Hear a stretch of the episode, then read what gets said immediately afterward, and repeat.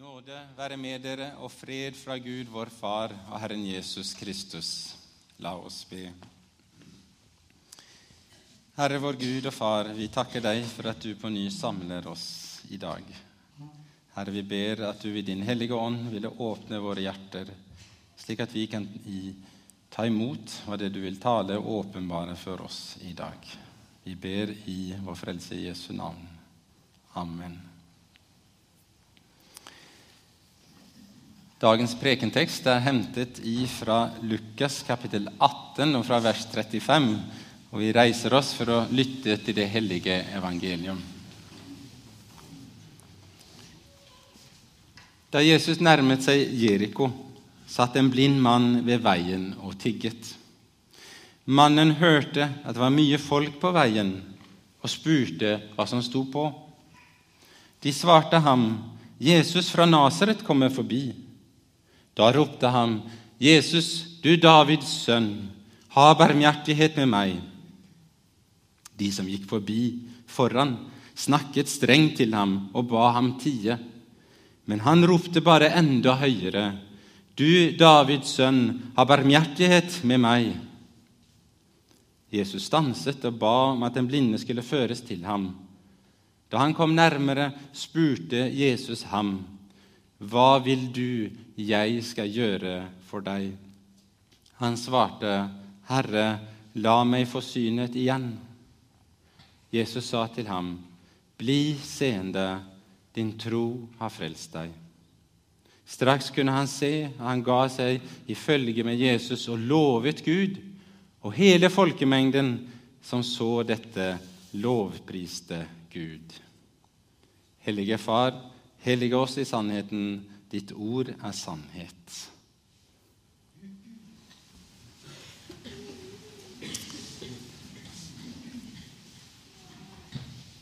Kan du se for deg denne situasjonen den dagen utenfor Jeriko?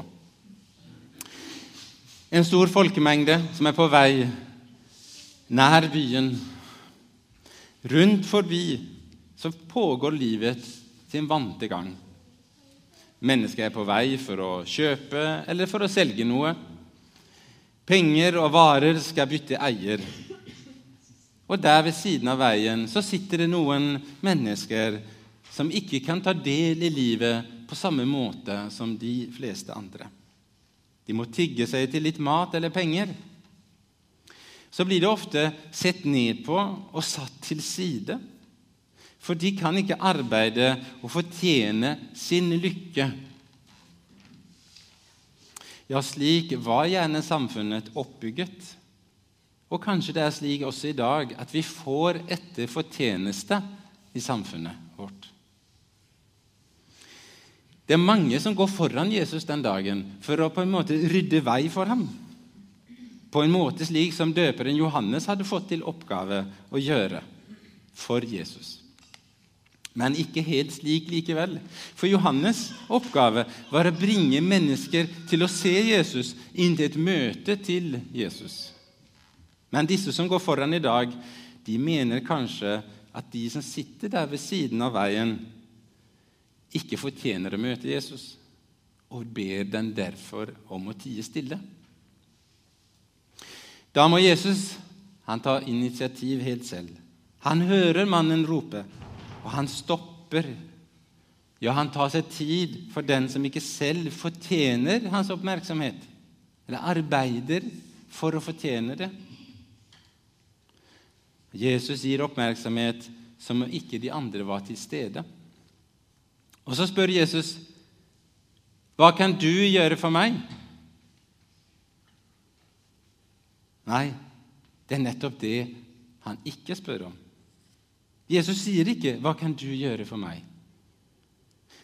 Ofte så er det nettopp slik vi feilaktig tolker det sentrale budskap over kristne tro, hva vi skal gjøre. Men Herren Jesus han fremsier med dette korte spørsmålet hele evangeliets fylde når han sier, 'Hva vil du jeg skal gjøre for deg?' Så sang vi nettopp i høymessesalmen Du får komme til Jesus med det som er tungt. Og om du kommer som du er, skal han slett ikke, ikke støyte deg ut. Og Ut ifra denne teksten så skal vi samles med temaet 'Hva vil du jeg skal gjøre for deg?' i tre punkter. Eh, det første da 'Hva vil du jeg skal gjøre for deg på min vei til korset?' Og på det andre 'Når jeg stopper ved din side'. Og det tredje 'Når du følger meg på veien'. Så hva vil du jeg skal gjøre for deg på min vei til korset? I tekstens sammenheng så har Jesus nettopp snakket om sin kommende lidelse. Han sier, 'Se, vi går opp til Jerusalem, og menneskesønnen skal bli hånt og mishandlet, og de skal piske ham og slå ham i hjel, og den tredje dag skal han stå opp igjen', har Jesus nettopp sagt til sine disipler. Og Det er ved tredje gangen Jesus nevner dette for disiplene. Men de klarer ikke å skjønne hva dette skal bety. De kan ikke skjønne at det, han går døden i møte. Meningen var skjult for dem, sier teksten. Det var ennå ikke åpenbart. På veien opp mot Jerusalem, som Jesus nå er på vei, så er han opptatt nettopp og steg for steg og trinn for trinn ved sin undervisning og ved sin handling vise mer og mer av hvem han er. Hvem han er, og hva han ønsker å åpenbare av Gud, vår Far. Og Slik peker fortellinga om den blinde mann i dag, som blir seende, også på at vi skal få åndelig syn når Jesus fortjener oss. Det står bl.a. i Romerbrevet kapittel 16 at det er en åpenbaring av det mysterium som har vært skjult fra evige tider, men som nå er kommet for dagen, altså i Jesus Kristus er Guds mysterium åpenbart for oss. Hvis vi ser lenger ut, sammenhengen i hele kapittel 18, så står det i begynnelsen av kapittelet en, en tekst om bønn, som Jesus forteller for at de alltid skulle be og ikke miste motet. Og Så får vi da i slutten av kapittelet denne teksten av Bartimeus. Ja, Han omtales ikke i denne teksten som Bartimeus, men i de andre tekstene i evangeliene så gir de navn til ham. Så vi kaller ham for Bartimeus i dag. Og Han gir oss nettopp et eksempel på å ikke miste motet. Han ga seg ikke da han ble avvist og bedt om å tie stille.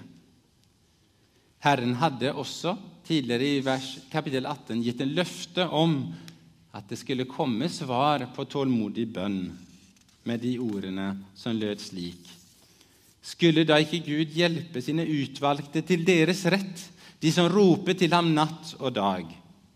Han skal sørge for at de får sin rett, og det snart. Ja, selv når vi ikke får det svar vi håper på, og lidelsen til slutt blir en stor smerte, så har vi et sted å flykte til med vår nød. I teksten videre i sammenhengen så fortelles det om tolleren som ikke våget å løfte blikket opp mot Gud. Han følte så sterkt på sin synd og sine brister. Og han ber Gud, var meg synder nådig. En umulig, merkelig bønn.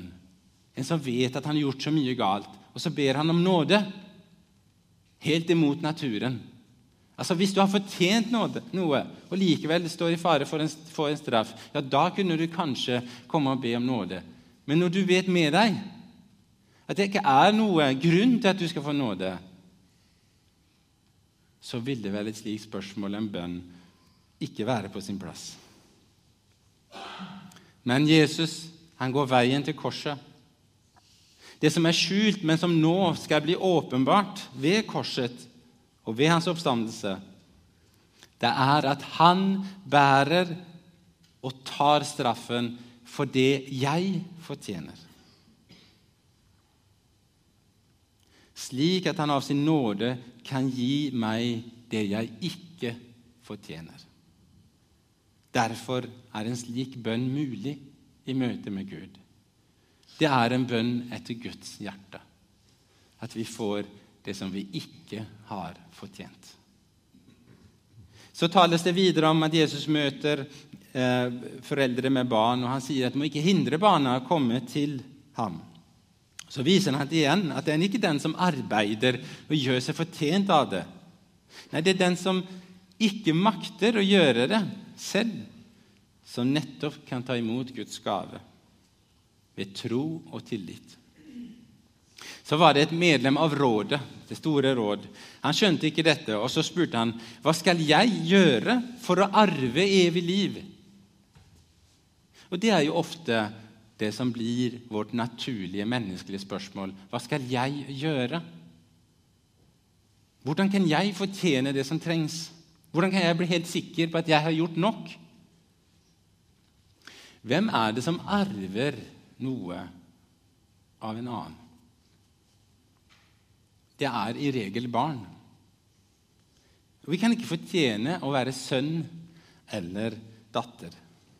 Vi er født til det, eller vi er adoptert til å være barn. Og ved tro gjenfører Gud oss nettopp til å være Guds barn. Derfor er det som Jesus vender på det hele avgjørende spørsmålet i dagens tekst. For det handler ikke om hva jeg skal gjøre for ham først og fremst. Men hva vil du jeg skal gjøre for deg? Og Denne Jesu oppgave sammenfattes også i hendelsen rett etter vår tekst i dag, når Jesus har møtt Sakkeus. Og etter, møtet med Jesus begynner Sakkeus å dele ut det han eier, til de som er fattige. Og hvis han har tatt for mye, så betaler han tilbake. Ikke for at han skal fortjene noe mer, men av stor takknemlighet for at Jesus har møtt ham. Ved tro skapes et nytt sinn. Og Så konkluderer det med at menneskesønnen er kommet for å lete etter de bortkomne og berge dem. Det andre i vår tekst da, som vi stopper for, det er Hva vil du jeg skal gjøre for deg når jeg stopper ved din side? Jesus, du Davids sønn, ha barmhjertighet med meg står det i teksten. Eller som vi sa tidligere ha miskunn, miskunn deg over meg. Og slik som vi har gjort tidligere i dag i vår gudstjeneste, som vi gjør i hver gudstjeneste, så er det det samme bønnerop som stiger opp til Gud. Gud, vår Far i himmelen, miskunne deg over oss. Fra den greske teksten som er Kyrie eleison. Et bønnerop som har gått gjennom Kirkens historie, og som vi får ta del av ennå i dag. Bartimeus hadde hørt rykter om Jesus. Kanskje han hadde hørt om de ti spedalske menn, som det omtales nettopp før, her i kapittel 17. De hadde blitt friske, alle sammen. Så kobler han vitnesbyrdet om Jesus til oppfyllelsen av løftene som ble gitt i Det gamle testamentet, det som er vårt gamle testamente. Jesus, Davids sønn, sier han. Ja, det er nettopp dette, han som var utlovt, Davidsønnen som skulle komme, Messias. Han vender seg til Guds løfte når han ber til ham. Han hadde hørt og kommet til tro på at Jesus skulle bringe Guds rikes krefter nær, slik som vi leste nettopp i Salme 146, der det sto Han hjelper de undertrykte til deres rett. Han gir mat til dem som sulter. Herren setter fri dem som er bundet. Herren gir de blinde syn. Herren reiser de nedbøyde opp. Og Derfor roper han igjen, bare enda høyere, når de sier fra til ham at han skal tie stille. Og Det står i teksten at men han meget mer ropte. Men han meget mer ropte, altså enda høyere og enda inderligere, ropte han til Jesus med de samme ordene. Jesus fra Nasaret kommer forbi, hadde han hørt. Ja, som det står i en sang, gå meg ei forbi, o Jesus, hør min bønn til deg. Når de andre du velsigner, glem da ikke meg. Slik var hans rop han måtte bruke muligheten når Jesus var på vei forbi. Da var det anledning til å rope ut. Jesus stopper og lytter, og han spør, 'Hva vil du jeg skal gjøre for deg?' Og Her har vi evangeliets invitasjon. En invitasjon til fellesskap, en invitasjon til bønn. Når du møter et menneske i din hverdag som nettopp spør for å være klar for å lytte til deg, så opplever du direkte å bli tatt godt imot. At noen vil lytte til deg, det som er i ditt hjerte av glede over smerte. Slik er Jesu evangeliske invitasjon til deg og meg. Kom med det som du har på hjertet, til meg. Jesus' helbredelse i denne dagens tekst det er et tegn på at med ham er Guds rike kommet nær til oss. Og Det var Jesu første forkynnelse når han begynte sin gjerning som predikant. Så kom han, og så sa han, 'Tiden er inne, Guds rike er kommet nær. Vend om og tro evangeliet.' I Markus kapittel 1. Når Guds ord forkynnes, er Jesus til stede med sin ånd, og Guds riket er til stede. Og Dermed blir helbredelsen som skjer i teksten i dag, også en oppfordring til å vende seg bort fra det som ikke passer sammen med Guds rike. Og Det er en oppfordring som møter også oss i dag. Jeg kan ikke leve i fellesskap med Gud uten å ta et oppgjør med det i mitt liv som er imot Guds gode vilje, imot hans karakter og vesen. Vend om til Herren og søk nåde og tilgivelse når det ennå er tid, når Jesus er til stede, og han er der i dag for å høre ditt rop til ham. Og til deg som sammen med Bartimeus roper ut til Herren om miskunn og barmhjertighet. Ved din side stanner Jesus for at med lengsel hører ditt svar på hans spørsmål når han spør hva vil du jeg skal gjøre for deg. Kanskje husker du kvinnen som hadde blødninger i tolv år, som det omtales et annet sted i Skriften. Hun hadde brukt alt hun eide på mange ulike leger, på forskjellige medisiner. Hun hadde gjort alt hun kunne, men ikke fått noen hjelp fra sin sykdom. Kanskje hadde også Bartimeus gjort det. Det vet vi ikke. Det står, sier ikke teksten noe om.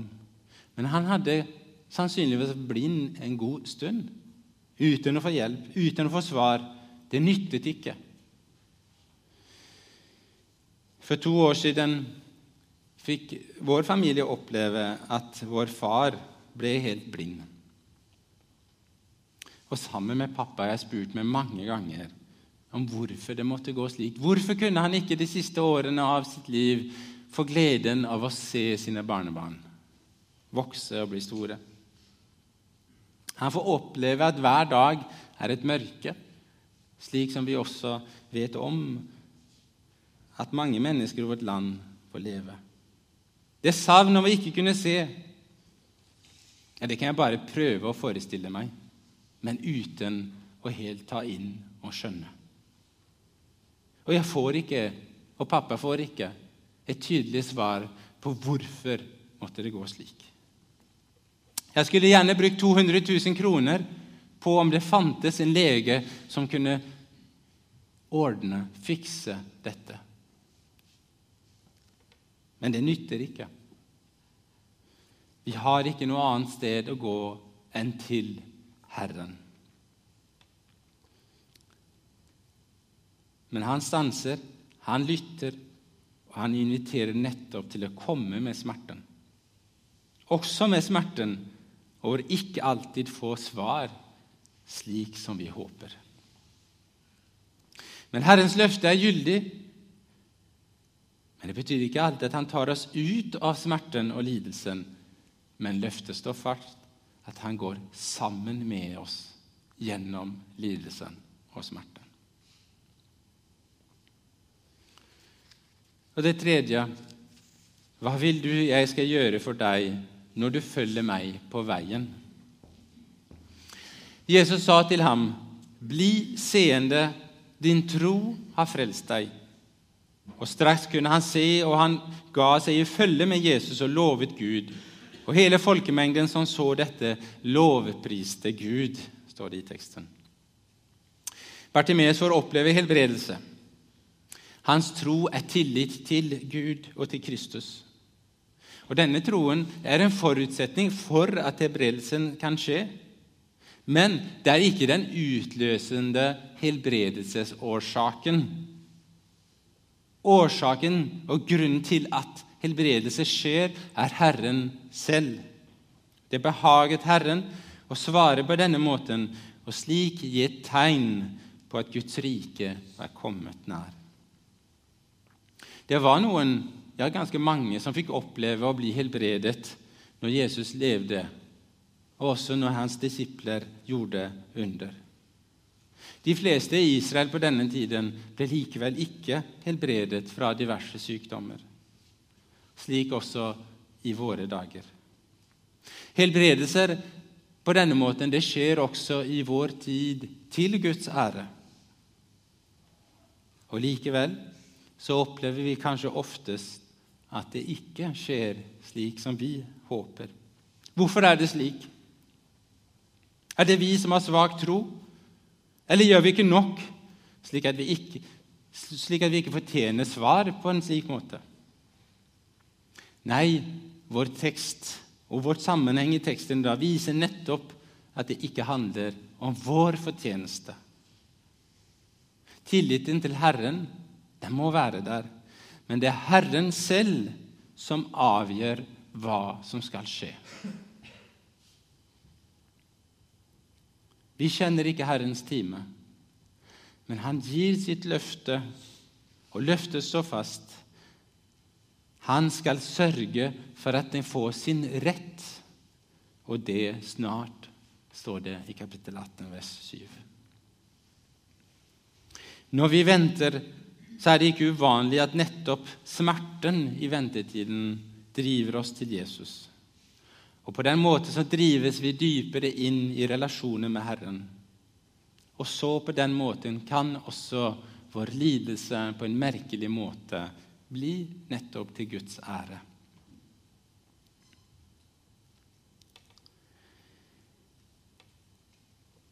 Det er åpenbaringstid. Bartimeus fikk sitt syn. Det ble åpenbart for ham noe om hvem Jesus er.